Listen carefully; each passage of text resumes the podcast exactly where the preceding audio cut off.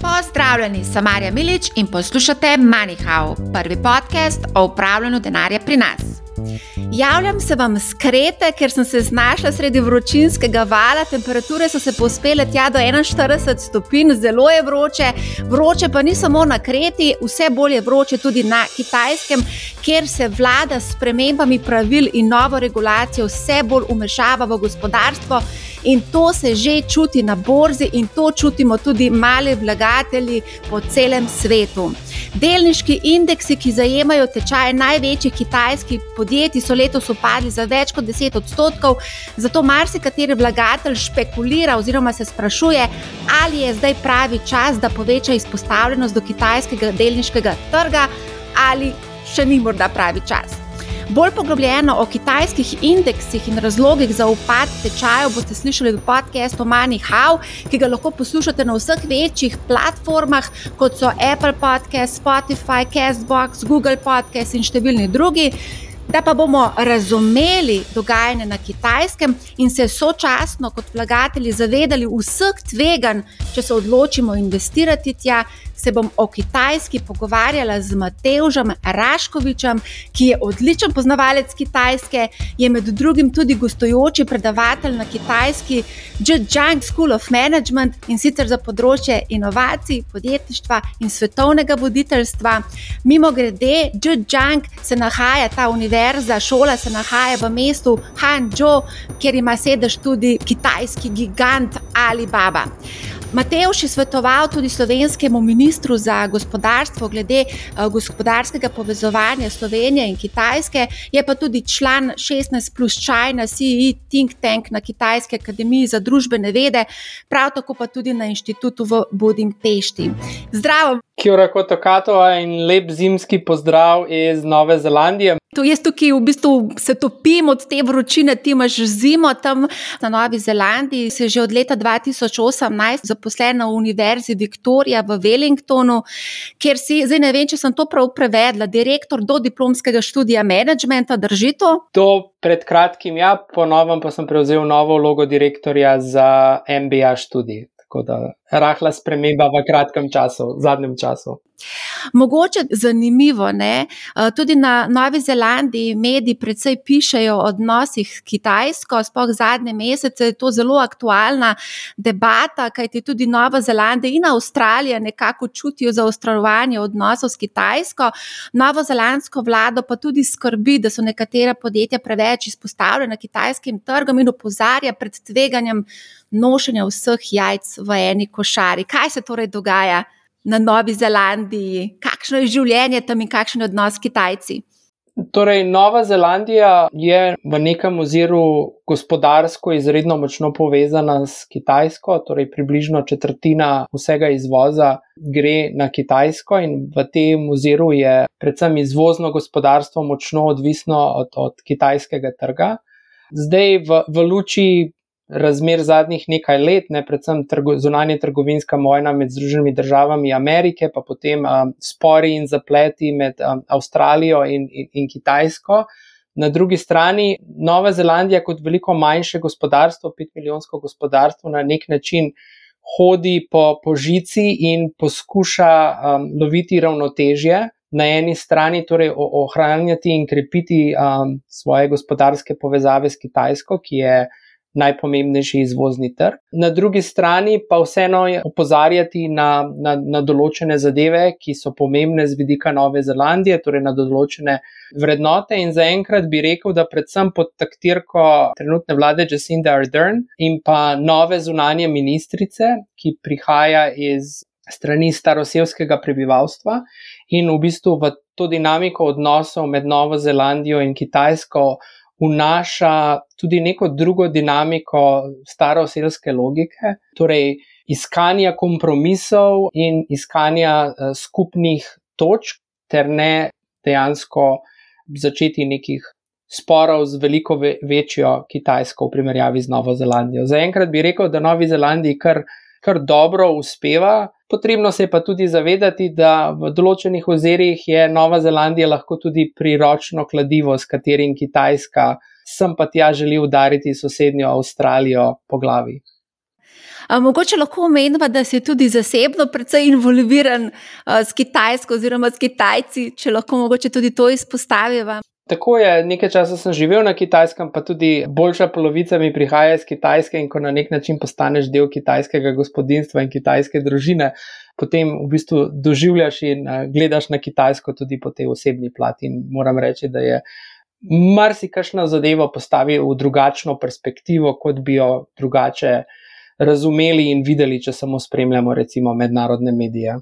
No, ravno o tem se bomo danes pogovarjali, o teh socialnih, družbenih, kulturnih in tudi sicer gospodarskih razlikah med nami in pa Kitajci. Mogoče za informacijo, ki mene res kar precej presenetila in to je ravno pred dnevi udarila vest.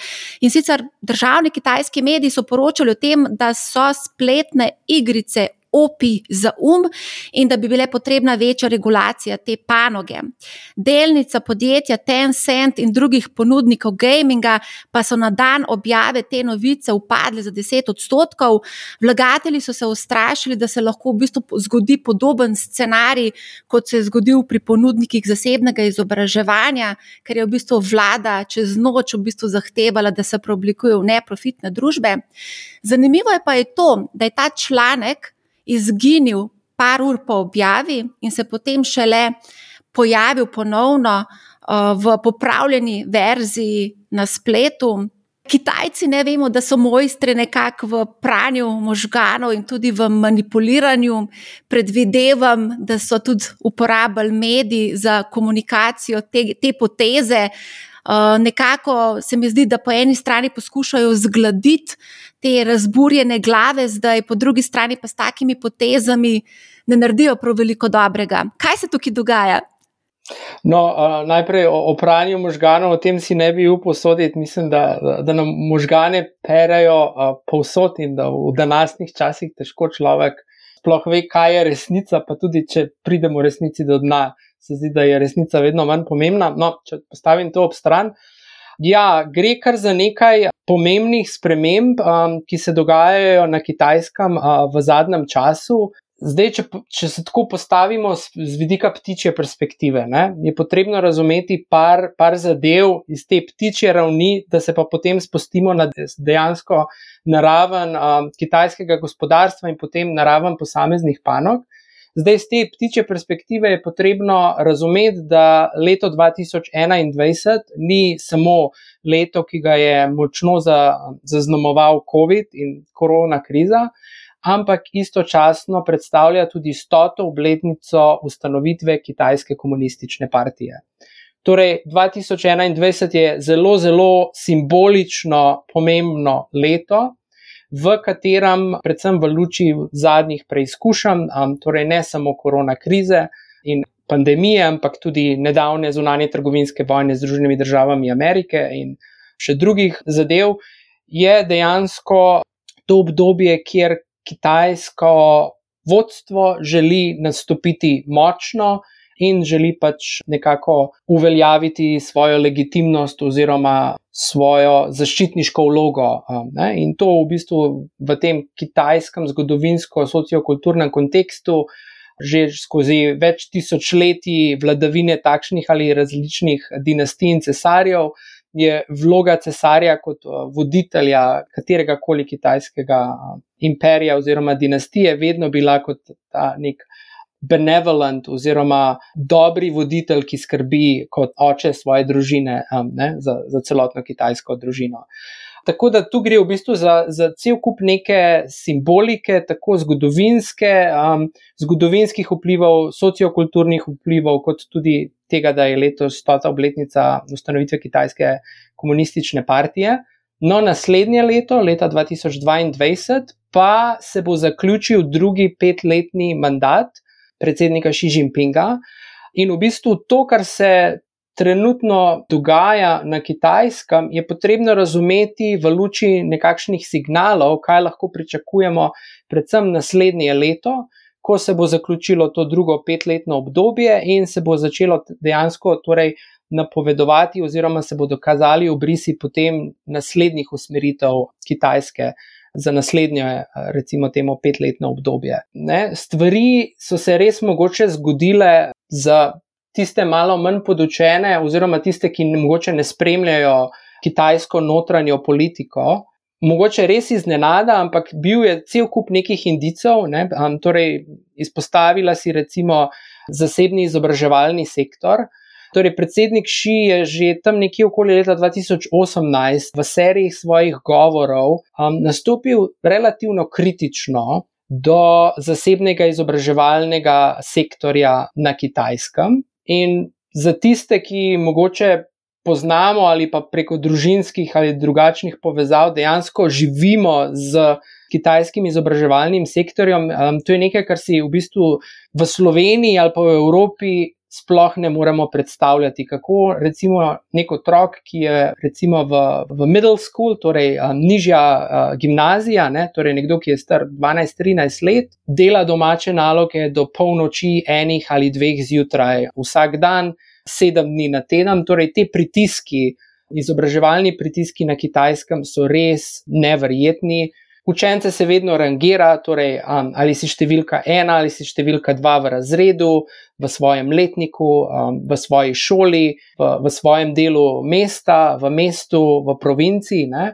Tako da ti pritiski so res ogromni in v želji omogočiti otrokom, in ne samo otrokom, ampak preko otrok, torej tudi um, njihovim družinam, konkurenčno prednost na zelo konkurenčnem kitajskem trgu so postale zasebne institucije, ki ponujajo takšne ali drugačne dodatne izobraževalne storitve, predvsem inštruiranje in podobno. Um, zelo, zelo velik posel na kitajskem. Zdaj, ocene, kako velika je bila ta panoga, se gibljajo tam nekje med 70 do 100 milijard ameriških dolarjev, torej ta trg je res ogromen. In Kitajsk ki fokus na, na, na točno na to panogo ne, um, je v bistvu potrebno razumeti iz več zornih kotov.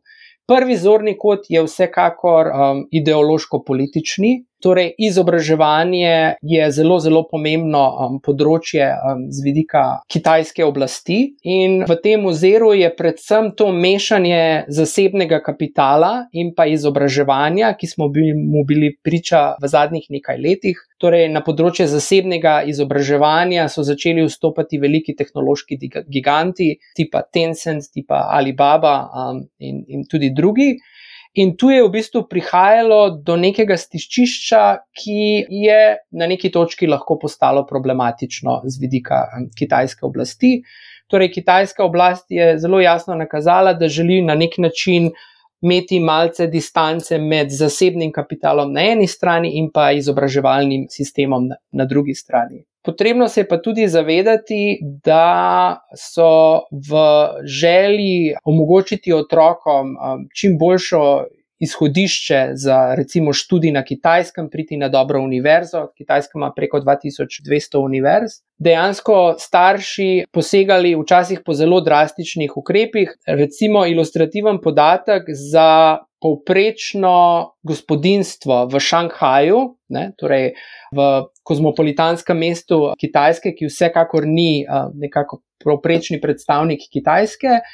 Se gibljajo ocene, da je podprečno gospodinstvo za izobraževanje enega otroka od rojstva do vključno 15. leta, torej v grobo rečeno tam nekje do gimnazije, porabilo okoli 130 tisoč ameriških dolarjev na otroke se na kitajskem na nek način gleda kot na investicije. In gre v bistvu za, za zelo večplasten um, kulturni fenomen, ki ima tudi globoko zgodovino. Torej, v preteklosti, ko ni bilo vzpostavljenih ustreznih družbenih sistemov in, in institucij, so dejansko otroci bili tisti, ki so potem preživljali svoje starše in tudi stare starše, ko so se te upokojili predvsem v odsotnosti pokojninskega sistema in tako naprej. Tako da na nek način z vidika kitajskih družin in kitajskih gospodinstv in kitajcev nasploh se gleda na otroke kot na investicije in v tem izredno, izredno konkurenčnem okolju so gospodinstva posegala po zelo, zelo drastičnih ukrepih, torej dodatne inštrukcije, dodatna šolanja. Ti stroški so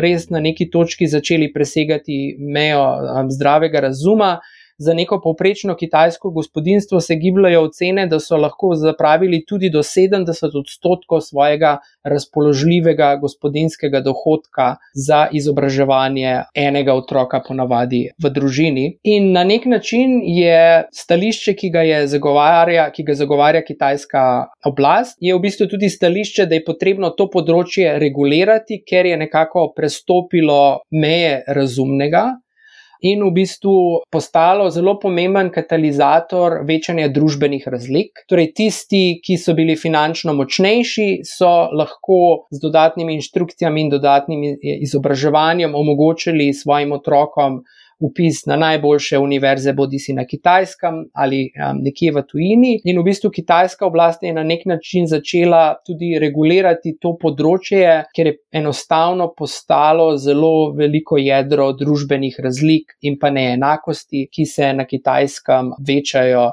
Z naglim uh, razvojem kitajskega gospodarstva in kitajske družbe. Tako da gre v bistvu na eni strani za, za politično-dialoško tematiko, na drugi strani pa ima tudi določeno logiko. To področje je bilo izredno neregulirano. Torej, recimo v lanskem letu je na borzi kotiralo 13 zasebnih izobraževalnih institucij na Kitajskem. Predstavniki teh institucij so bili že marca povabljeni na Ministrstvo za izobraževanje, kjer v bistvu so jim, bili, so jim bila predstavljena določena izhodišča. Tako da na nek način strela ni čisto posem udarila iz jasnega, torej prve zametke je bilo kar mogoče zaznati že tam 2018 v, v govorih predsednika Šija. Dejansko pa se je celotna zadeva začela odvijati tam nekje marca, ko so bili predstavniki to vrstnih zasebnih izobraževalnih institucij povabljeni na sestanek na ministrstvo za izobraževanje. Osebno vidim, da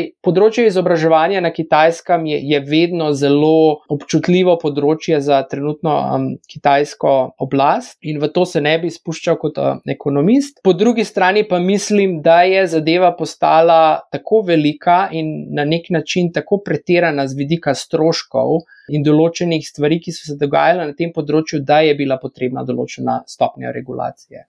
No, tudi mali vlagatelji, tudi sama konkretno sem občutila ta ukrep zelo eh, precej ne? in sicer so delnice teh podjetij, teh platform za inštruiranje in izobraževanje upadle za, za skoraj 80 odstotkov, nekatere celo več.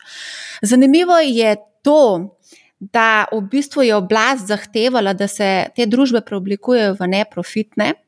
Hkrati je prepovedala uvrstitev na borze in zbiranje kapitala, tujcem pa je tudi prepovedala investiranje v podjetje iz te panoge in prav tako prepovedala zaposlovanje učiteljev izven Kitajske.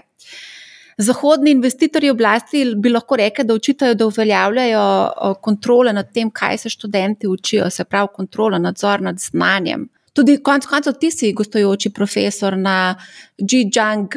Uh, School of Management. A si mogoče dobil že kakšno pismo, da nisi več vabljen kot gostujoči profesor?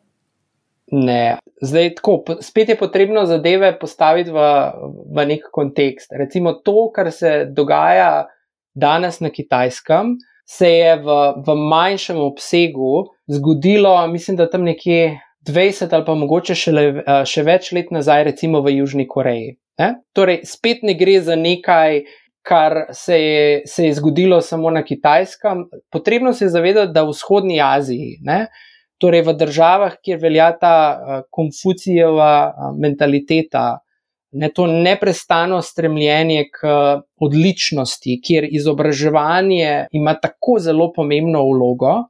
Je v bistvu prihaja do to vrstnih tenzij, kjer dejansko v izredno konkurenčnih okoljih starši posegajo po vseh možnih vzvodih, da bi omogočili konkurenčno prednost svojim otrokom. Torej, nekaj podobnega, sicer ne na, na tej ravni, na 20-30 let nazaj so bili posebno drugi časi, Južna Koreja je tudi veliko manjša od Kitajske, mogoče ni bila tako zanimiva za tuje investitorje. Nekaj podobnega v veliko manjšem obsegu se je zgodilo recimo tudi um, na Južni Koreji. To, da je izobraževalni sektor izredno, izredno pomemben za Kitajsko, to je nekaj, kar ni novega, še posebej po dogodkih, ki so se zgodili konec 80-ih let, po tako imenovanem incidentu na, na trgu Tiananmen. je kitajska oblast postala izredno občutljiva za um, kitajski izobraževalni sistem. Um, zato, ker dejansko jedro tistih, tistega dogodka se je nekako začelo v univerzitetnem sektorju, torej študenti so bili tisti, ki so šli na ulice izražati svoje stališča. Tako da od konca 80-ih let je kitajska oblast vedno bdela nad izobraževalnim sektorjem na kitajskem. In v bistvu danes na univerzah na nek način obstaja paralelni sistem, kjer imaš akademike, ki se ukvarjajo s poučevanjem in raziskovanjem, in imaš akademike, ki skrbijo na nek način za, za doktrino in za ideologijo. Recimo vsak študent na kitajskem, ki študira, ne glede od ali študira biologijo, kemijo, management, računovodstvo, trženje ali karkoli, bo vsekakor v času svojega študija imel tudi predmete, kjer se bo spoznal z osnovami marksizma in, in podobno. Torej, to, ne, ta paralelni sistem je v bistvu uh, splošno znan in na ta način torej ne sme presenečati, da je v bistvu um, kitajska oblast se odločila bolj grobo poseči v ta sektor. Predvsem zato, ne, ker, kot sem rekel, ker je prišlo tu do, nekega, do neke kritične mase z vidika mešanja zasebnega kapitala, velikih tehnoloških gigantov, kot so Alibaba, Tencent in podobno, in pa na drugi strani izobraževanja. Izredno zanimivo bo opazovati, kaj se bo dogajalo naslednje leto, ko se bo zaključil ta drugi petletni mandat predsednika Šija. Osebno bi si upal ugibati, da bo prenova izobraževanja in pa izobraževalni sektor zelo, zelo velika in pomembna tema in eno izmed prioritetnih področji, ki jim bo kitajska oblast v recimo prihodnem petletnem načrtu namenjala veliko večjo pozornost, kot so jim namenjali do sedaj. Kar se tiče pa prvih javnih objav, je pa potrebno tudi zavedati, da ne.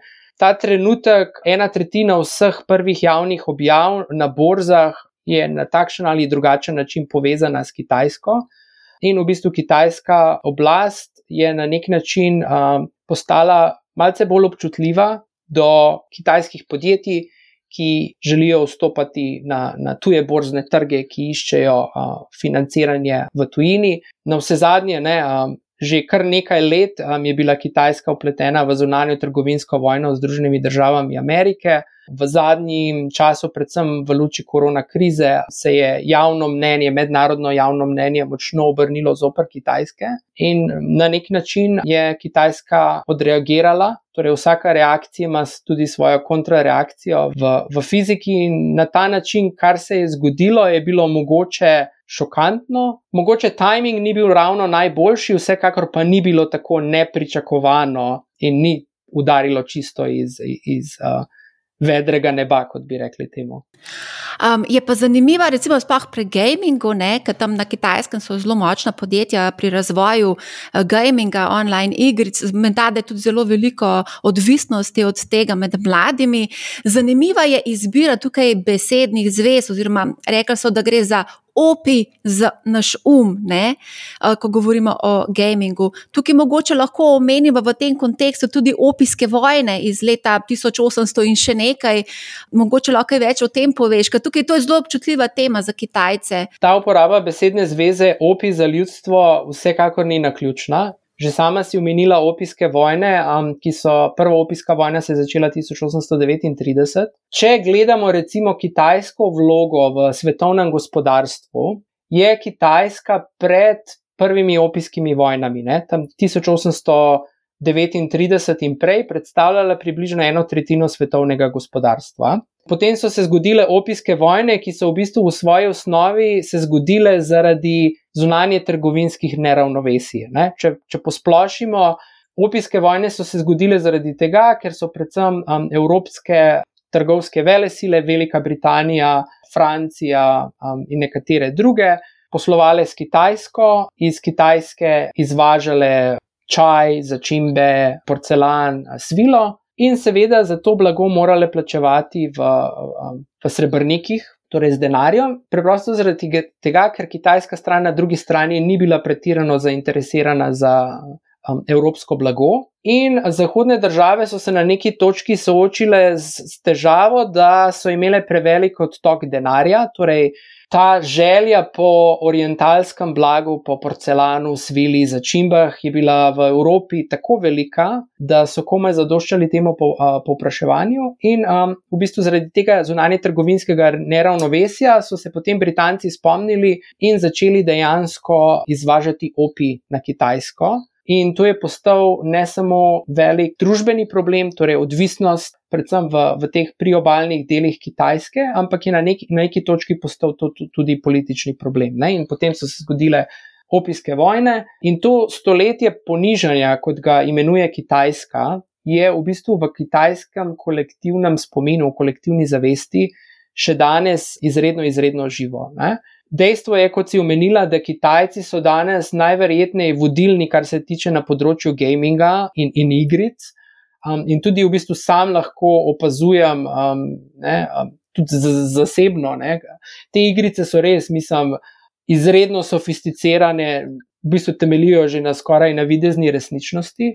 In lahko si človek predstavlja, kako te igrice lahko postanejo na nek način tudi orodje ne, za širjenje takšnih ali drugačnih informacij oziroma dezinformacij. Potrebno se je zavedati tudi to, da življenje na kitajskem, um, ne, če živiš v, v nekem večjem mestu, to ni tako kot v Ljubljani, ko pač sedeš na avtobus in v 15 minutah si lahko na Šmarni gori. Torej, za poprečnega tinejdžerja na kitajskem ali pa tudi za, za starejše ljudi, so videoigrice na nek način sprostitev, pobeg iz uh, vsakodnevnih pritiskov. In tu je moč opaziti, da v bistvu so zadeve postale izredno problematične, predvsem med mladimi.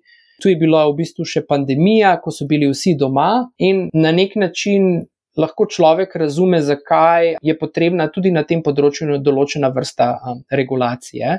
Zdaj, kar se tiče pa v bistvu konotacij, ne, opi za ljudstvo, je pa tu v bistvu med vrsticami na nek način krivda uperjena zoper Zahod, oziroma ne, torej igrice, gaming ni nekaj, kar so se spomnili Kitajci, ampak je nekaj, kar je prišlo iz tujine.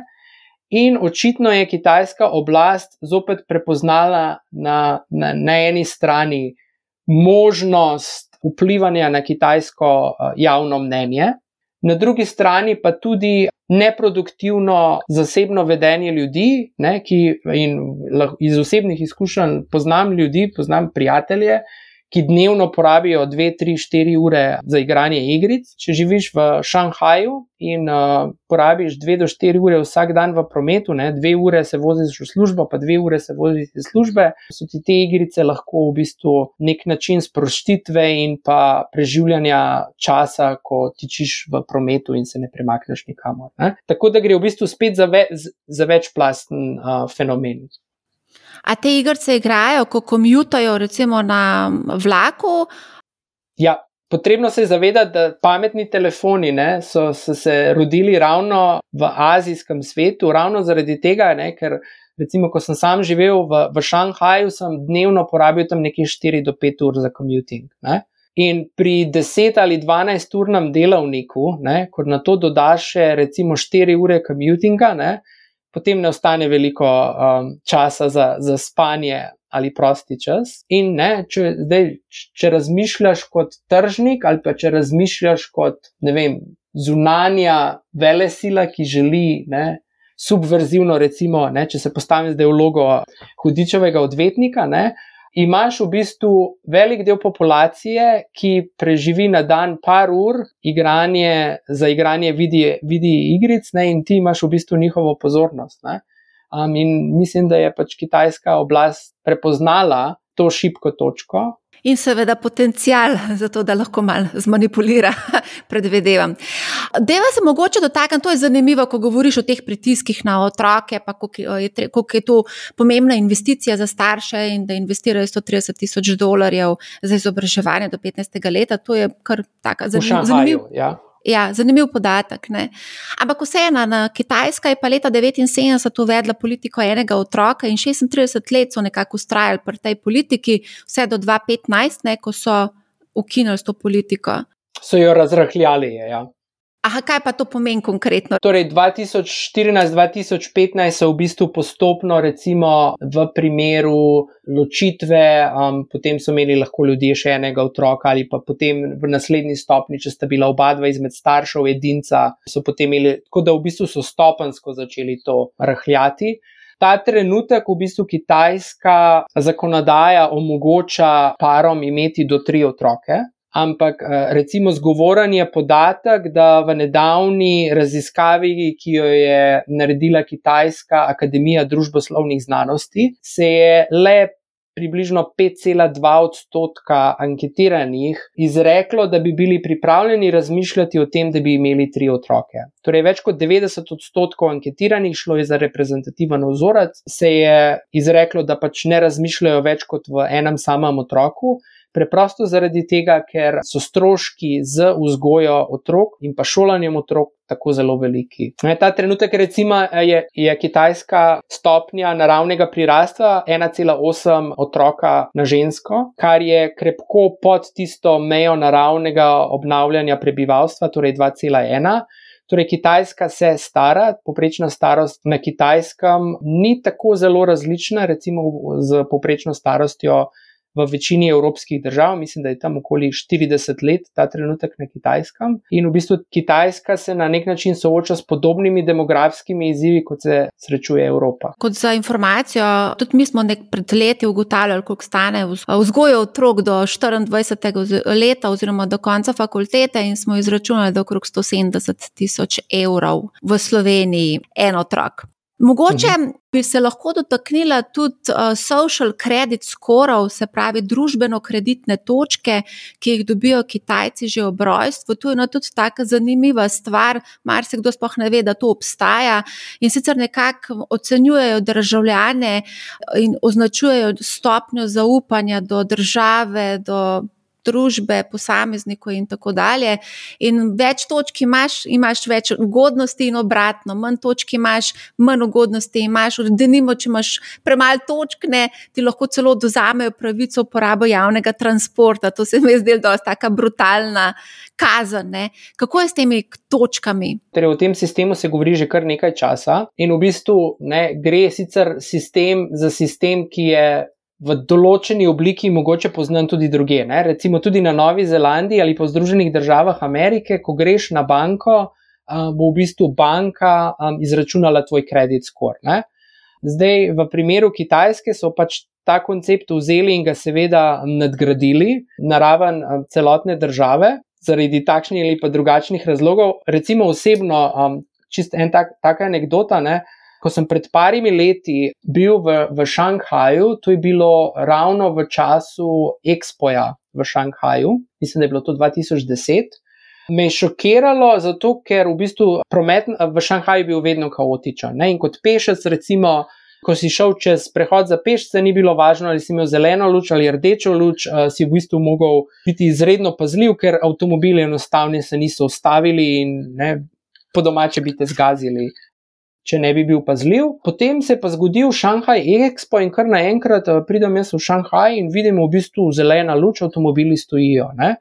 In to je šlo v bistvu za ogromen preskok, ki se je zgodil recimo v roku enega leta. Um, in ko sem se pogovarjal s svojimi kitajskimi prijatelji, so enostavno povedali, da je pač vlada oziroma šanghajska lokalna oblast začela uvajati sistem, kjer želijo disciplinirati voznike, za, za to, da se pač uh, stavijo na prehodu za pešce. Ne?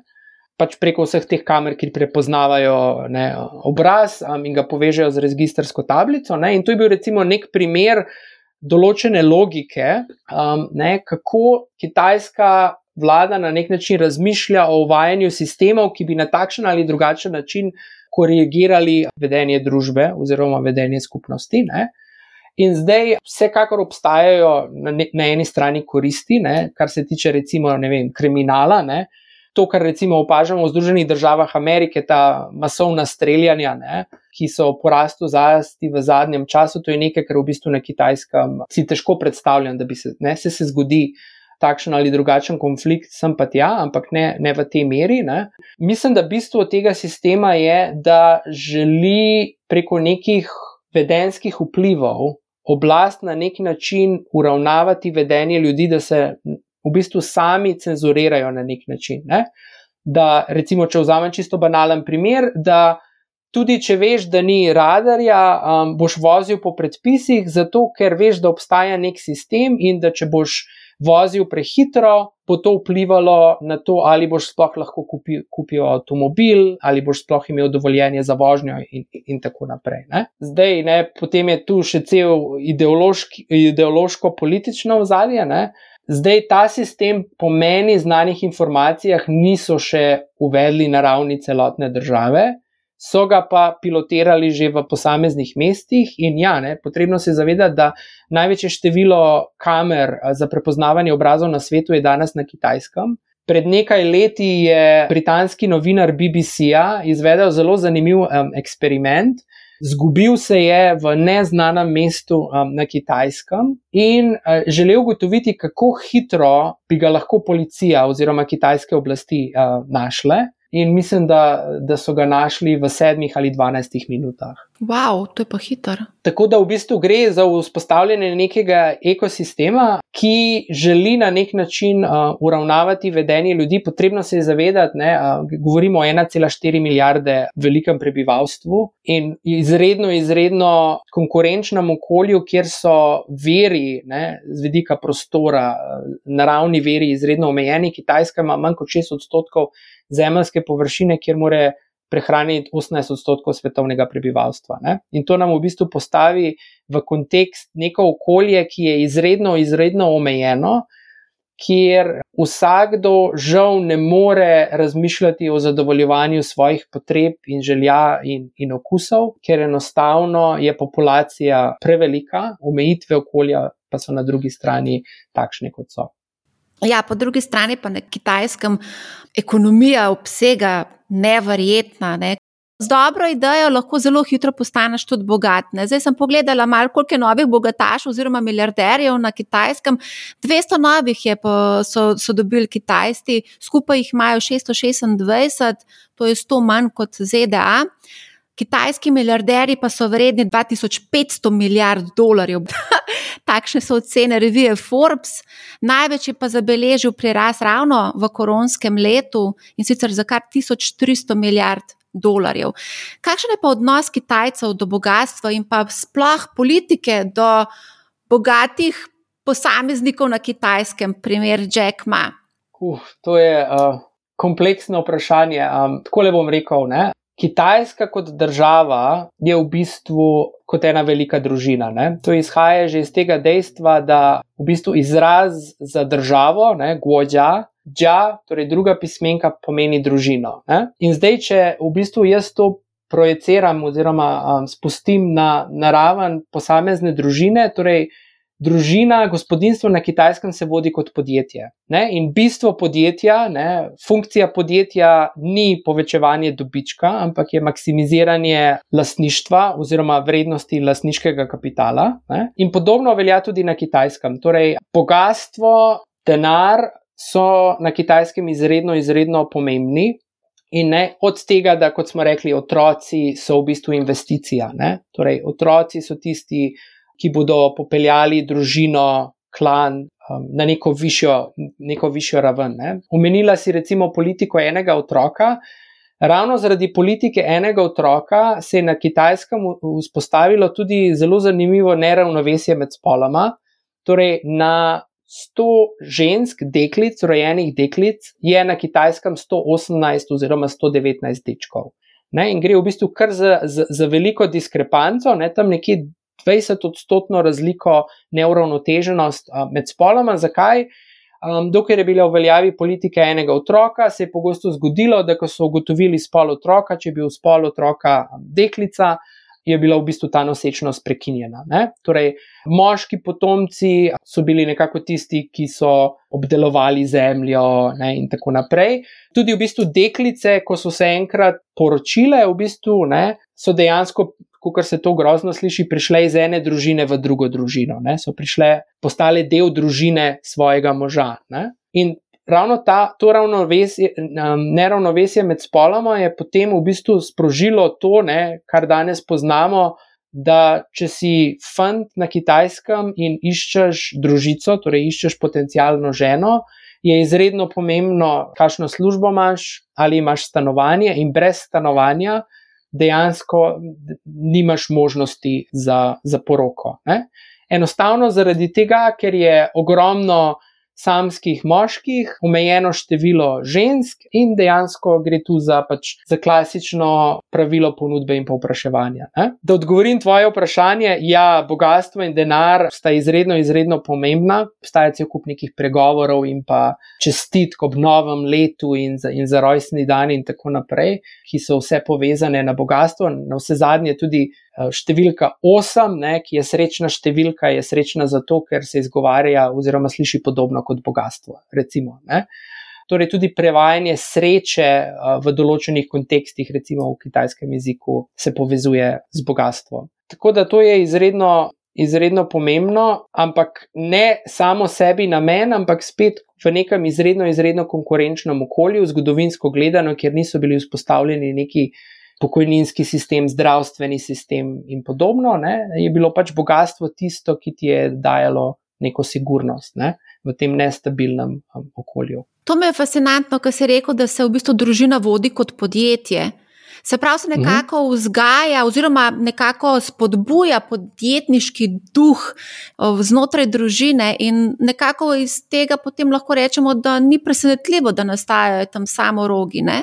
Ja, v bistvu ta, ta preskok, ne, glorificiranje podjetništva, to je nekaj, kar se je zgodilo na kitajskem že relativno zgodaj, še pod taktirko Deng Xiaopinga. Ne. Torej, Deng Xiaoping oziroma oče kitajske gospodarske revolucije, če lahko temu tako rečemo, ne, torej tega paketa reform kitajskega gospodarstva, ki so se zgodile konec 70-ih in pa v 80-ih letih. Že Deng Xiaoping je recimo v svojih govorih izpostavljal, da socializem ni sinonim za siromaštvo in da biti bogat ne gre v navskrižje z socialističnimi ideali. In v bistvu v teh svojih govorih je recimo izpostavljal, kako ko se bo Kitajska razvijala, bodo nekateri obogateli hitreje in bodo nekateri hitreje okusili sadove kitajskega razvoja. Tako da v bistvu to je v bistvu mantra, ki je na kitajskem že več kot 40 let, ki velja.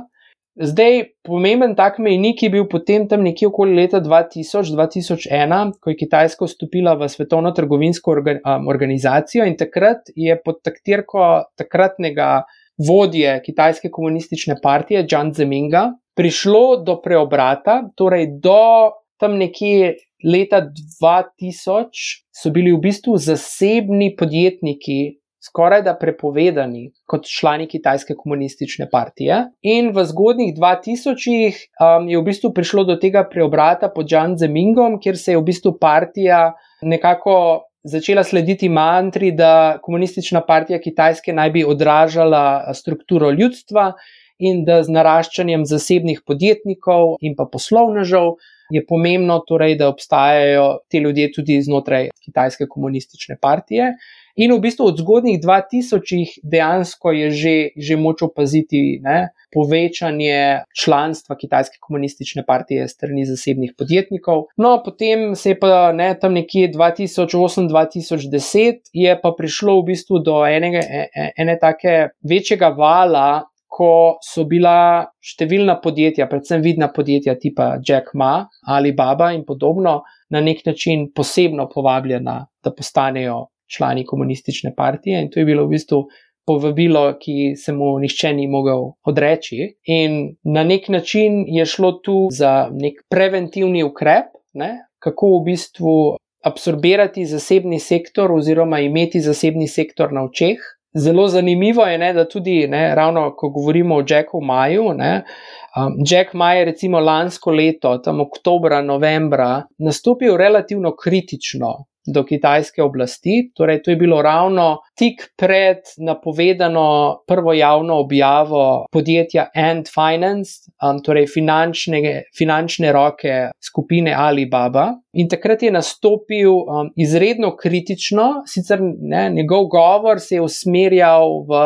Pomen inovacij, prevzemanja tveganj, podjetniškega duha, torej ni bil per se političen, ampak je bil tako drzen, da je dejansko kar nekaj eh, obrvi um, dvignil. In že takrat, ne, v tistem govoru, um, je sledil govor partijskega predstavnika Wang Qiushina, ki je dejansko zelo jasno izpostavil partijsko mantro, da Kitajska nikoli ne bo dovolila zasebnemu kapitalu, da bo vodil državo. Ne, in takrat se je v bistvu že zelo jasno pokazalo, ne, kdo bo v, v, v tem boju med zasebnim gospodarstvom in pa kitajsko oblastjo zmagal. Ja, takrat smo se vsi sprašvali, kam je zginil Jack Ma, ker za par mesecev je kar zginil, potem pa se je nenadoma znašel na nekem učiteljskem nekem dogodku. Tako da, ja, je, kako, zakaj pa je zginil sploh? Kaj, ga, kaj, partija ga je želela na nek način utišati, so mu dali ukor pred izključitvijo, kaj, kaj je bilo to? O tem, o tem si ne bi upal soditi, res, res je, bilo je kar nekaj ugibanj, kar nekaj um, špekulacij. Potrebno se zavedati, da Jack Ma je že v bistvu pred lanskim letom na nek način napovedoval svoj, svoj odhod. Torej, to, da se Jack Ma umika iz načela um, Alibabe in da se bo vrnil nazaj um, med svoje učiteljske koronine, ne, to je nekaj, kar je bilo na tapeti že kar nekaj let in si upam trditi, delno tudi zaradi tega človek je bil sigurno dovolj pameten. Ko postaneš tako velik in tako vpliven um, na kitajskem, postaneš tudi izredno izpostavljen. In mislim, da, da se je odločil takrat pametno um, in da podobno kot Bill Gates, ne, da se bo uh, posvetil filantropskim projektom in spustil filantropske vode. Kaj se je pa takrat zgodilo, pa sam Bog si ve. Uh, si ne bi upal ugibati o tem. Ja, kot si lepo povedal, postal je velik. Ne? Velik je tudi Elon Musk, ki zdaj gradi na kitajskem tovarne za svojo Teslo, to je konkurent kitajskemu električnemu proizvajalcu avtomobilov NIO, ne? ki je tudi eden iz večjih proizvajalcev. Kako bo to funkcioniralo? Elon Musk na kitajskem ni ravno najbolj, kako bi temu rekla, pokorna oseba, ne, kot, kot Kitajci veljajo za precej nekako pokorne, pokoren narod. A se motim? Kitajci imajo izraz, ki ga težko prevedemo v slovenski jezik, kuej, biti poslušan. Zdaj ne bi rekel pokoren, ampak Kitajci znajo biti pragmatični in, in v, v sistemu, v družbi, kjer posameznik je res nepomemben v primerjavi s celotno skupino, ne, dejansko na nek način razumejo, da obstaja določena hierarhija prioritet in da v tej hierarhiji uh, bo pač vedno prevladala dobrobit skupine, in v prvi vrsti je to država kot družina, in ne, potem vse do, do svoje lastne družine, torej tudi kitajski otroci. Poslušajo svoje starše, in recimo Kitajci se nikoli ne bodo poročili z partnerjem brez odobravanja staršev. Ne? Torej, na kitajskem se nikoli ne boš poročil z nekom iz ljubezni, in tudi zaradi tega, recimo, zelo pogosto so starši tisti, ki ti najdejo partnerja, s katerim se boš poročil, zato ker so zadaj tudi neke druge ekonomske računice ne? in gre v bistvu kot za združitev. Če smo rekli, da je gospodinstvo kot podjetje, gre potem pri poroki za združitev dveh velikih podjetij, ne? kot Daimler in Chrysler, recimo. Ne? Tako da je čisto neka druga logika zadaj. Eh. Omenil si že Ant Financial, to je azijski fintech velikan. Imeli so težave, oziroma so kitajske oblasti onemogočile javno ponudbo delnic na hongkonški in šanghajski borzi. Podobno se je pa zapletlo tudi pri transportni platformi Didi. Sicer oni mhm. so šli potem IPO delati na um, ameriško borzo, uh, izdali so ADR, to so American Depository Receipt. Ampak malo po kotaciji se je pa zapletlo. So v bistvu kitajske oblasti ukazale, da morajo vse mobilne trgovine umakniti, v bistvu vse aplikacije, ki jih ima v lasti Didi. Tako da škoda je res ogromna, tožbe že padajo, Didi celo razmišlja, da bi se umaknil z borze. Kaj si lahko mislimo o tej zgodbi? Ne? Mogoče bo to malce neposrečena analogija, ampak ne, to je tako kot pri razmerjih. Ne? V bistvu, tako kot ne, če uspeš peljati partnerja nekomu, ne, je najverjetneje, da se bo podobno zgodilo tudi tebi. Ne. Zdaj, zgodba z Didijem je v bistvu zgodba, ki ima ogromno zgodovino. Potrebno se je zavedati, ne, da tu je bil na neki točki Uber, ki je v bistvu um, vstopil na kitajski trg, ki je postal veliko, relativno uspešno podjetje. In potem je takrat kitajska um, oblast spremenila pogoje, pravila igre in dejansko na nek način izsilila oziroma potisnila Uber iz kitajskega trga. Ne? Šlo je pač za določena pravila glede gostovanja strežnikov, kje so lahko strežniki, katere vrste zemljevidov se lahko uporablja in tako naprej. In to je bilo takrat narejeno predvsem zato, da se je izrinilo tujega konkurenta in omogočilo domačega, domačega ponudnika, in to je bil v tisti, v tisti fazi Didi. In Didi je potem v bistvu um, na nek način prevzel operacije Uberja na kitajskem, ne, odkupil na nek način pač. Um, Uber jih je prodal in, in, in izstopil, ne? in glede zlomka, čez nekaj let se nekaj podobnega. Um, ne? Potrebno se je zavedati, da na kitajskem oblast vedno bo igrala zelo veliko vlogo v kitajskem gospodarstvu. In marsikatero od, od teh podjetij, ki jih mogoče zmotno celo imenujemo samorogi, ne, so postala velika podjetja zato, ker v neki točki se je oblast odločila in jih začela favorizirati, ne, in potem na neki točki so pa ta podjetja postala enostavno prevelika. In mislim, da ne v zadnjih govorih in komentarjih, ne, kako partija nikoli ne bo dovolila, da, da, da zasebniki in zasebni kapital diktirajo in vodijo državo.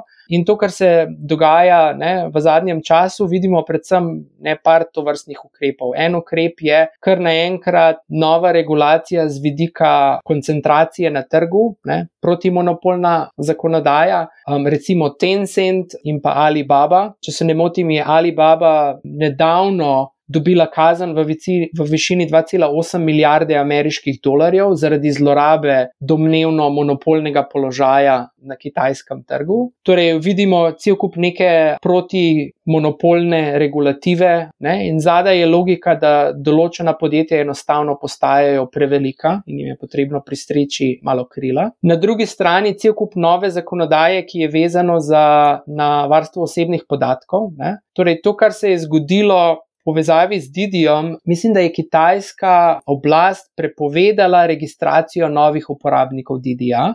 Torej je šlo, po mojem mnenju, bolj za nek simbolni ukrep. Ki je postal, poslal signal Didiju, da naj razmislijo in da v bistvu naj se postavijo nazaj na pravo stran. Tako da v bistvu vidimo cel kup neke, ne? in zdaj težko na Zahodu, ne, smo na nek način kritični, ne, zato ker kitajski odgovor bo, pa se vsako razvito gospodarstvo ne, ima protimonopolno zakonodajo, varstvo osebnih podatkov, ne, tudi recimo v EU, GDPR in, in podobno. Ne. Prispodoba, ki se pri tem uporablja, je, da um, kitajsko gospodarstvo še vedno upravlja železna roka, ki pa je oblečena v lepo žametno rokavico. Ampak za to žametno rokavico se pa še vedno skriva železna roka. Ja, res je. Deva se mogoče dotakniti Ko smo imeli tukaj v Sloveniji kitajske turiste, vem, da je bil velik problem, kako bodo Kitajci plačevali pri nas, ker pač niso več vajeni gotovine. Ne? Na kitajskem precej plačujejo digital, digitalno prek Alipaya, WeChat Pay in Union Pay, to so tri največji ponudniki. Zdaj se precej govori o digitalnem huanu in pa tudi. Um, Oblast ima določeno mnenje, nasprotujoče mnenje uh, kriptovalutam. Ne? Kakšen je odnos do tega? V, v Sloveniji mislim, da je tudi uh, Union Pay, Alipay in WeChat Pay um, že kar krepko uveljavljen. Um, tako da mislim, da trgovci v Sloveniji so zelo hitro skočili na, um, na ta vlak. Res je, um, na kitajskem, kar se tiče finteka, kar se tiče teh um, oblik plačevanja, so krepko pred marsikaterim um, zahodnim gospodarstvom. Tu je potem povezava še z prepoznavanjem um, obrazov, tako da na kitajskem imaš danes trgovine, kjer prideš v trgovino, vzameš blago z police in odkorakaš ven. Kamere bodo prepoznale tvoj obraz in dejansko ti zaračunale strošek na tvojo kreditno kartico. Kar se tiče kriptovalut, je kitajska oblast izredno kritična, um, ne samo kitajska oblast, tudi marsikatera zahodna oblast. Vemo, da ta mehurček kriptovalut se v zadnjem času um, se je že razblinil, oziroma se še bo. Enostavno ta življenjski slog na kitajskem je, je, je tako hiter, um, je tako, trg je tako konkurenčen in v bistvu te tehnološke inovacije na nek način ne spet imajo več funkcij. Na eni strani poenostaviti oska grla in uporabniške izkušnje, po drugi strani omogočati večje uh, zbiranje podatkov in, in beleženje uh, vedenja porabnikov. Ne. Vse to se bo potem input v, v to, kar si že omenila, v to, ta družbeni kreditni sistem. Ne? Tako da gre v bistvu za več koščkov sestavljenke, ki počasi prihajajo skupaj. Zdaj, če sem prav seznanjena, je kitajska oblast že nekako prepovedala ali pa omejila delovanje peer-to-peer platformam. Pri nas se predvsej govori še vedno o teh platformah, tudi o demokratizaciji financ. Zdaj, nekako se mi zdi, da Kitajska gre v nasprotno smer vsemu temu, kar v bistvu zdaj počnemo v Evropi oziroma v preostalem svetu? Ja, v bistvu, um, zdaj, kar se tiče peer-to-peer finance ne, um, oziroma um, to vrstnih platform, um, potrebno se je zavedati, da Kitajci znajo biti izredno iznajdljivi, poiskati marsikateri uvinek tu in tam, in delni razlog za omejevanje to vrstnih platform je vsekakor tudi v bistvu regulacija, preprečevanje zlorab, okoriščanja ljudi. Ne. Torej, v preteklosti so bile vem, različne piramidalne scheme na kitajskem, kjer so ljudje izgubili ogromno, ogromno denarja. Ne. Potrebno se je zavedati, da recimo za nekoga, ki je ta srednji sloj na kitajskem, te osebe nimajo toliko naložbenih možnosti, kot jih imamo recimo um, druge na zahodu ali tudi druge. Ogromno se je vlagalo v nepremičnine, ne, kjer je Kitajska v bistvu začela potem to regulirati. V preteklosti se je kar nekaj vlagalo na, v naložbene trge, ki so bili za tako imenovane pijame investitorje na kitajskem, ne, torej za male investitorje bolj kot neka igrica, kot pa v bistvu neka resna dolgoročna naložba. In v bistvu ne, zdaj Kitajci na nek način tudi iščejo dodatne kanale za investiranje finančnih sredstev, za oplemenitenje svojega gospodinskega bogatstva, ne? torej, da bo njihovo podjetje bolj uspešno delovalo še naprej. In tu je kar nekaj nepridipravov, ki znajo se vedno spomniti kaj novega. In, ne, v preteklosti je bilo kar nekaj škandalov, kjer so bili ljudje res izkoriščeni izgubili ogromno denarja. Po drugi strani, ne, če Kitajska ne bi regulirala svojega finančnega trga in naložbenih trgov, bi res ogromne količine denarja iztekle iz Kitajske. Ne. Recimo, poprečni Kitajec um, ima letno kvoto, koliko tujega denarja, ne, um, denarja v tuji valuti lahko izvozi, če temu lahko tako rečemo, izven države. To je tam nekje okoli 50 tisoč ameriških dolarjev, pa še okoli tega obstajajo določene omejitve, da lahko to narediš uh, samo v nekaj tranšah. Torej, kitajska oblast na nek način želi zajeziti ogromen odtok um, denarja iz Kitajske v tujino in to je nekaj, kar dejansko monetarna politika v vsaki državi želi, ne, um, da ne pride do, do finančnega zloma. Tako da spet gre tu, ne, na eni strani, ja, ne, oblast želi imeti nadzor, želi imeti um, kontrolo, na drugi strani je. Prihajalo v preteklosti do ogromnih zlorab, tako da gre spet v bistvu za večplastni problem. Ima, vsaka stvar na kitajskem ima lahko zgodovinsko ozadje, lahko ima politični, ideološki uh, vidik, um, zelo pogosto ima pa tudi zelo praktičen družbeno-kulturni vidik. Tako da nič ni črno-belo na kitajskem. Zdaj, ko praviš o pijama investitorjih, da je bilo za nje investiranje kot igranje igric, nekako se to zdaj dogaja tudi pri nas, v bistvu na zahodu. No? Bom tako rekla, z prihodom Robin Hooda, ker v bistvu res je postalo investiranje gamificirano in vsakeč, ko ti nekaj prodaš ali pa kupiš, letijo konfeti po zraku. Ne? Tako da v bistvu to so na kitajskem že imeli, ne? mi pa v bistvu šele zdaj spoznavamo ta način investiranja. Ali se lahko tudi potem na zahodu stvari malo obrnejo, ko se ugotovi, da pač takšen način investiranja ni najbolj uh, varen za denarnico posameznika. Ja, zdaj, kar se tiče nasvetov za investitorje, jaz moram reči, da sem tako po Warren Buffettovsko izredno konzervativen. Tako da jaz vedno pravim, investiraj toliko, kolikor si lahko privoščiš, da izgubiš. Razlika med mogoče pijama investitorji na kitajskem in pijama investitorji, ki druge po svetu je, da kitajski pijama investitorji nikoli niso dali stanovanja ali pa hiše pod hipoteko in potem ta denar uh, naložili nespametno na borzne trge. Ne. Drugi po svetu se je tudi to dogajalo. Ne. Tako da mislim, da ne, se, se tudi ta stopna sofisticiranosti kitajskih pijama investitorjev ne, um, se je močno spremenila v zadnjih nekaj letih. Torej, potrebno se je zavedati, da Kitajska je dobila prvo borzo leta 1990, ne, na nek način. Slovenija in Kitajska, kar se tiče te borzne zgodovine, sta enako stari in da v bistvu marsikateri kitajski investitor dolgo časa ni bil upolčen v, borzne, v borznih trgih. Bilo je relativno malo podjetij, ki je kotiralo na, bo, na borzi in v bistvu ta boom se šele v zadnjih letih, v zadnjem desetletju, se dejansko kaže. Tudi oni bodo postali bolj, bolj podučeni.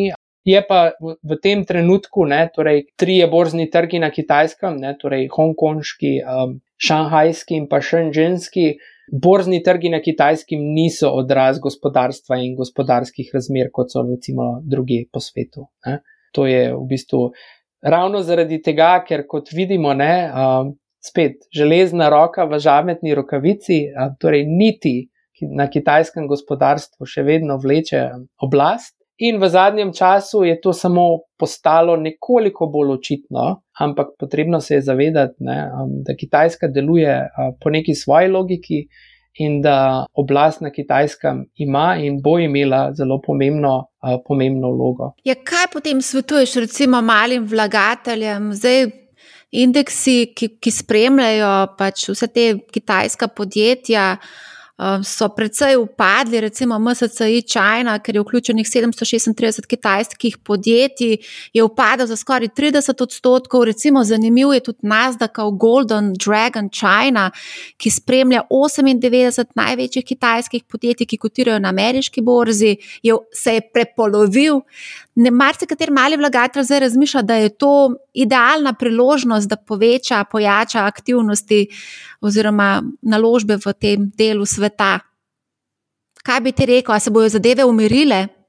Če gledamo zgodovinsko, ne, lej, ne vem, deset let nazaj, ko je na oblast prišla trenutna nomenklatura ne, in je Kitajska začela svojo zelo glasno protikorupcijsko politiko, ne, takrat so se zgodili veliki pretresi in vsi so napovedovali, kako bo to konec zlatega obdobja na kitajskem. Ne, in, uh, bile so turbulence, Kitajska se je pobrala po tistih turbulencah.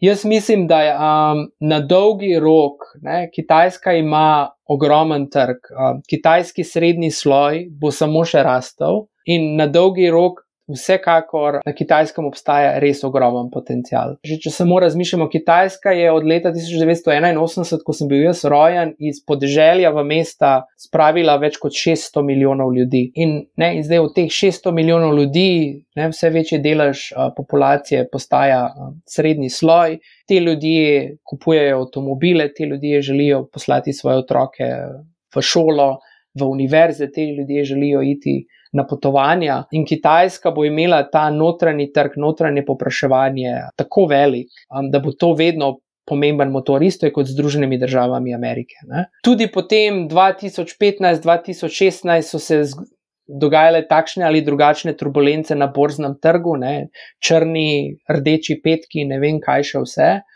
Potem se je zgodila zunanja trgovinska vojna, Ja, indeksi so upadli za vem, 30 odstotkov, ampak ne, iz katere ravni Kitajska je lansko leto, ne, če postavimo stvari v kontekst, bilo eno izmed redkih gospodarstv, um, ki je bila v zelenih številkah. Rast, ki jo je Kitajska, pa tudi na borznih trgih, dosegala v zadnjem letu, je bila res velika. Ne, in zdaj um, 30-odstotni spust iz neke uh, višine, ki je bila. Februarskega rekorda. Ja. Februarskega rekorda je mogoče bolj prizemljitev na realna tla, kot pa ne, poguba. In, in konec sveta. Kitajci imajo en lep pregovor in sicer uh, zmagovalec v življenju je tisti, ki najdlje zadrži svoje stanje.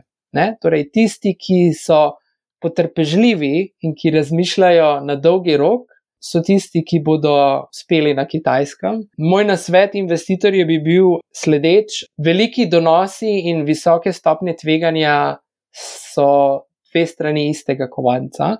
Torej, ne moremo imeti visokih donosov brez kakršnega koli tveganja. Potrebno je narediti svojo domačo nalogo in dejansko spremljati, kaj se dogaja na kitajskem, se mogoče družiti z ljudmi, ki spremljajo kitajske medije, ne? potrebno je spremljati, kaj govorijo kitajski voditelji.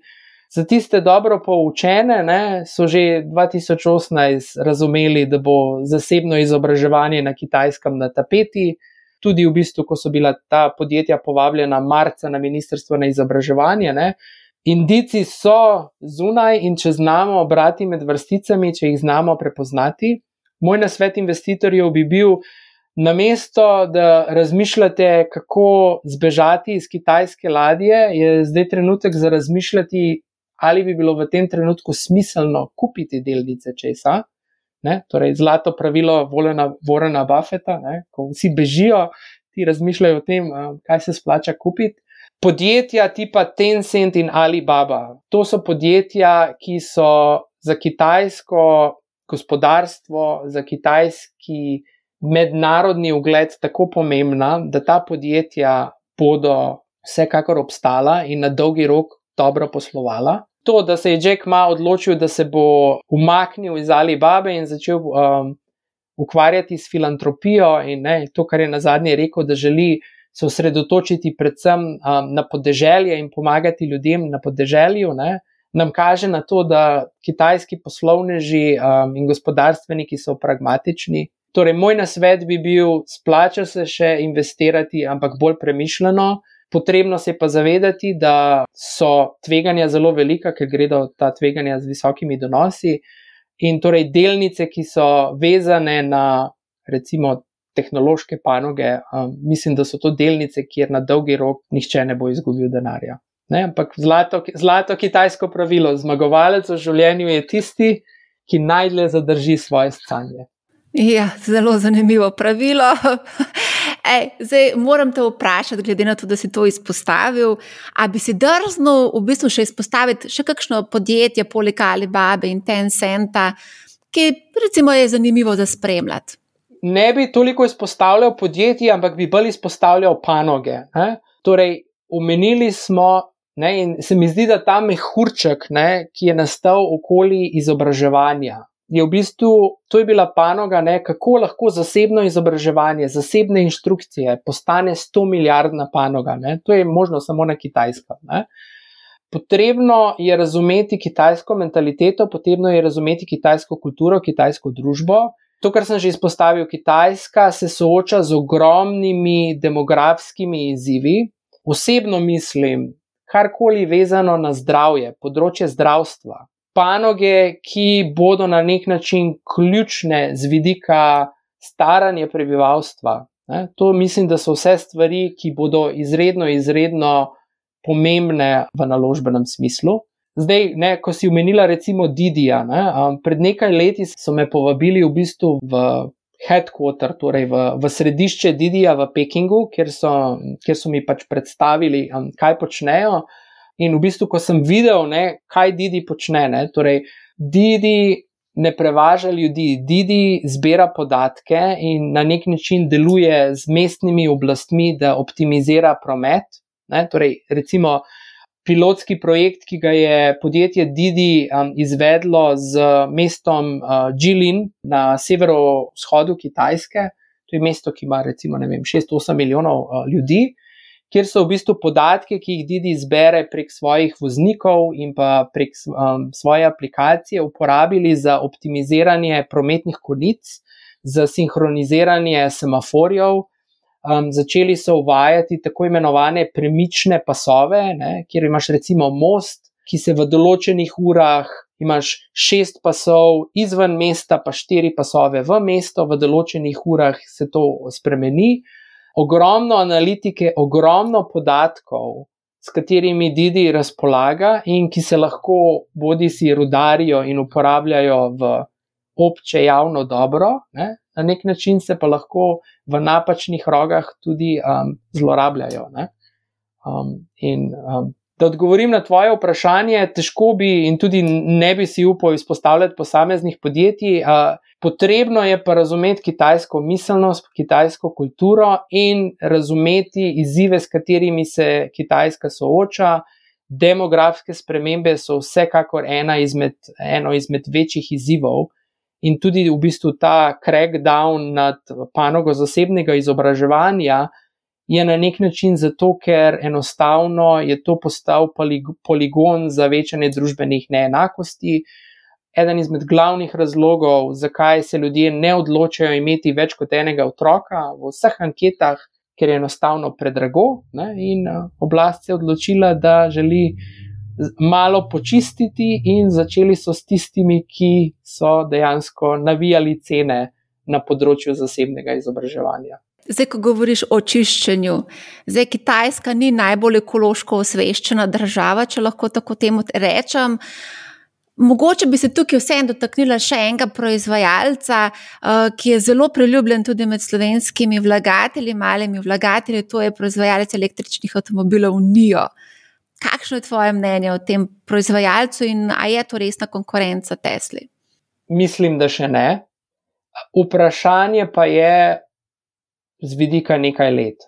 Zdaj, razlog, zakaj Kitajska, mislim, da postaja vele sila na področju proizvodnje električnih avtomobilov. Po eni strani Kitajska je skoraj v celoti odvisna od uvoza nafte, torej Kitajska želi na nek način torej tudi um, mogoče umiliti to svojo odvisnost in izpostavljenost z vidika te pomembne surovine. Na drugi strani se je potrebno zavedati, da kitajske um, oblasti se zavedajo, da je onesnaženje zraka, predvsem v, v urbanih delih, zelo velik uh, problem. Kitajska torej, je v urbanih delih ena izmed redkih držav, kjer se je poprečna pričakovana življenjska doba v zadnjem desetletju skrajšala in ne podaljšala predvsem na račun onesnaženja zraka. Tako da v bistvu tu gre za na nek način ekonomsko suverenost, tu gre za čist omejitve okolja in pa v bistvu, da Kitajska, Kitajska se pač zaveda, da, um, kot smo že omenili, 6 odstotkov zemeljske površine, 18 odstotkov prebivalstva, to je ogromno neravnovesje z vidika naravnih danosti, virov in pa številnega prebivalstva. Mislim, da v tem trenutku ne. Tesla ima ogromen brand na kitajskem. Kitajska vlada je ponudila tudi izredno visoke subvencije za električne avtomobile. Potreb, če bi bil pa jaz Elon Musk, ne, se pa potrebno zavedati, če prideš na napačno stran kitajske oblasti, se zelo hitro lahko spremeni regulativa. Ne. Torej, tudi Uber je bil, bilo izredno uspešno podjetje na kitajskem, dokler uh, se niso spremenila pravila igre. Ne? Mislim, da bomo prišli tudi do točke, kjer v bistvu ameriški proizvajalci električnih avtomobilov. To že zdaj opazimo, niso toliko več zaželeni. Ne? Tudi Apple je bil v bistvu dolga leta kralj na področju pametnih telefonov. In vsi nedavni dogodki, zunanje trgovinska vojna, vso obtoževanje z vidika izvora COVID-a in tako naprej. To tudi ima določene posledice na kitajske eh, potrošnike. Zadaj je tudi zelo velik propagandni stroj, ki lahko na takšen ali drugačen način vpliva na kitajsko javno mnenje, na navedenje porabnikov. In mislim, da bo v prihodnosti prišlo do točke, kjer bo Neo, Neon lahko postal zelo resna konkurenca Tesli. Zanimivo. No, zdaj, ki si omenil še ta Wuhan, oziroma ja, te teorije zarote, gredo v bistvu celo tako daleč, da Kitajsko sumijo, da je bilo nekako bolje pripravljeno od celega sveta. Teorija zarote je čista neumnost. Ja, na en način Kitajska je bila bolje pripravljena, ampak iz preprostega razloga, zato ker večji del Azije je šel skozi SARS, nekaj, kar je bilo Evropi, pa tudi Združenim državam Amerike prihranjeno. Um, seveda so bili bolje pripravljeni, zato ker so šli čez nekaj podobnega v manjšem obsegu pred desetletjem, pa tudi zato, ker gre to za, za okolja, kjer, ne, ko enkrat oblast reče: tole pa tole pa tole bomo naredili, se to sprovede. Ne. Zdaj teorija zarote, kako je pa to uh, ušlo v to si pa ne bi upal spuščati. Osebno mislim, da so to malce iztrte, izvite zgodbe. Tudi Singapur, Tajvan, Južna Koreja, ne? te države so zelo dobro nekako prevetrile oziroma prijadrale to turbulenco, ne, pa jih nihče ni obtožil, da takšne ali drugačne teorije zarote. Mislim, da smo zelo veliko tem obdelali. O Kitajski bi se lahko govorilo ure in ure, je to zanimiva država, veliko tam dogaja. Ampak bomo to prešparali tudi za kdaj drugič. Matej Šaraškovič, najlepša hvala za tvoj čas in glede na to, da si na Novi Zelandiji seveda lahko nočne. Tako je, lepo zdrav, uživajte še v preostanku poletja, mi pa se na Novi Zelandiji veselimo, da bomo tudi mi čez čas vstopili v poletje. Tako, zdaj veste veliko več, kot ste prej o Kitajski. Povzetek torej: otrok je investicija, družina podjetje, posameznik irrelevanten, veliki brat gleda, šef je in bo država. Kot je Mateoš omenil, je Kitajska z vidika investiranja vsekakor zanimiva. Z zavedanjem, da je tveganje večje, posledično so lahko tudi večji zaslužki ali izgube. V epizodi omenjam najbolj uveljavljen kitajski indeks MSCI China, ta je zabeležil rekord februarja letos, potem pa zaradi vseh ukrepov kitajskih oblasti zoper tehnoloških gigantov in geopolitičnih napetosti. Konec julija upadel za 30 odstotkov. Mimo grede, na drugi strani pa so tečaji na razvitih trgih beležili nove rekorde. Največji delež v tem indeksu imajo multinacionalni internetni konglomerat Tencent Holding, o katerem smo danes kar precej govorili, megatrgovec Alibaba, ponudnik storitev dostave hrane Mate One, spletni trgovec JD.com, proizvajalec električnih vozil NIO in spletni brskalnik Baidu. Omenila sem še indeks Nasdaq Golden Dragon China. Gre za indeks, ki spremlja, kot rečeno, 98 največjih kitajskih podjetij, ki kotirajo na ameriški borzi. V indeksu so vključena že prej omenjena podjetja, predvsej veliko otež pa ima denimo tudi podjetje Pinduoduo, ki je največji agrotek podjetje na kitajskem in povezuje kmete z distributerji. Vrednost tega indeksa se je od februarja, ko je dosegel zgodovinski rekord, pa do danes skoraj prepolovila. Zahodnjaki so zaradi zadnjih potez kitajske vlade kljub temu, kot smo slišali v tej epizodi, da so obstajali signali že od leta 2018, izgubili zaupanje. Iz kitajskih podjetij, katerih delnic kotirajo v ZDA, pa je v samo nekaj mesecih dobesedno izpuhtelo. 400 milijard dolarjev tržne kapitalizacije. Nekateri večji investitorji se torej umikajo, drugi v zadnji korekciji vidijo priložnost, da vstopijo po tečajih, ki bodo prinesli više dolgoročne še donosnosti. Kaj pa lahko storijo mali vlagatelji? Ko se odločamo za investiranje v posamezna podjetja, panoge ali države, je potrebno več znanja, kot če kupimo razpršeno košarico naložb. Osredotočili se bomo na naslednje, torej na košarice naložb. Na spletni strani justetf.com boste našli 27 ETF-ov vezanih na Kitajsko in če upoštevamo do sedaj naučena pravila, je z davčnega vidika bolj smiselno izbrati sklade, ki akumulirajo dividende, takšnih pa je 18. Potem se osredotočite na velikost ter na celotne stroške poslovanja. Ko upoštevamo vse te filtre, dobimo kar nekaj zanimivih kandidatov. Izpostavimo pa, da nimamo iShares, MSCI, China, A, UCITS, ETF, ki ga lahko kupite na nemški, londonski ali amsterdamski borzi. Od vzajemnih skladov slovenskih DZU-jev ne boste našli sklad, ki investira zgolj in samo na Kitajsko, pač pa jo najdemo v skladih, ki investirajo v Kitajsko in Indijo, v Azijo, v Brik in tako dalje. Tudi sama verjamem, da je Kitajska lahko zanimiva za investicijo. Z opombo, da je tveganje tu večje. Če želite spremljati ta trg, spremljajte tudi borznega mačka Marka Mobiusa, ki je velik poznavalec trgov v razvoju, saj po teh državah živi, potuje, dela že 40 let. Res pa je tudi, da te trge favorizira, zato imejte tudi to v mislih. Zanimiv pa je tudi še en borzni maček, Jim Rogers, ki se je iz New Yorka preselil v Singapur ravno zaradi verovanja v nadaljno rast Kitajske. Verjame tudi, da bi se morali otroci učiti mandarinske kitajščine, da nimo njegovih črki ta jezik govorita tekoče. To tudi svetuje v knjigi A Gift to My Children, ki jo zelo priporočam. Še eno pojasnilo. V epizodi sem omenjala ADR, American Depository Receipts, oziroma po slovensko potrdila o lastništvu. Zahodni vlagatelji v kitajska podjetja, ki kotirajo na ameriški borzi, lahko investirajo preko ADR-jev. Kot zanimivost pa omenimo še informacijo, da če boste kupovali denimo Novo Ljubljansko banko na londonski borzi, boste kupovali globalna potrdila o lastništvu.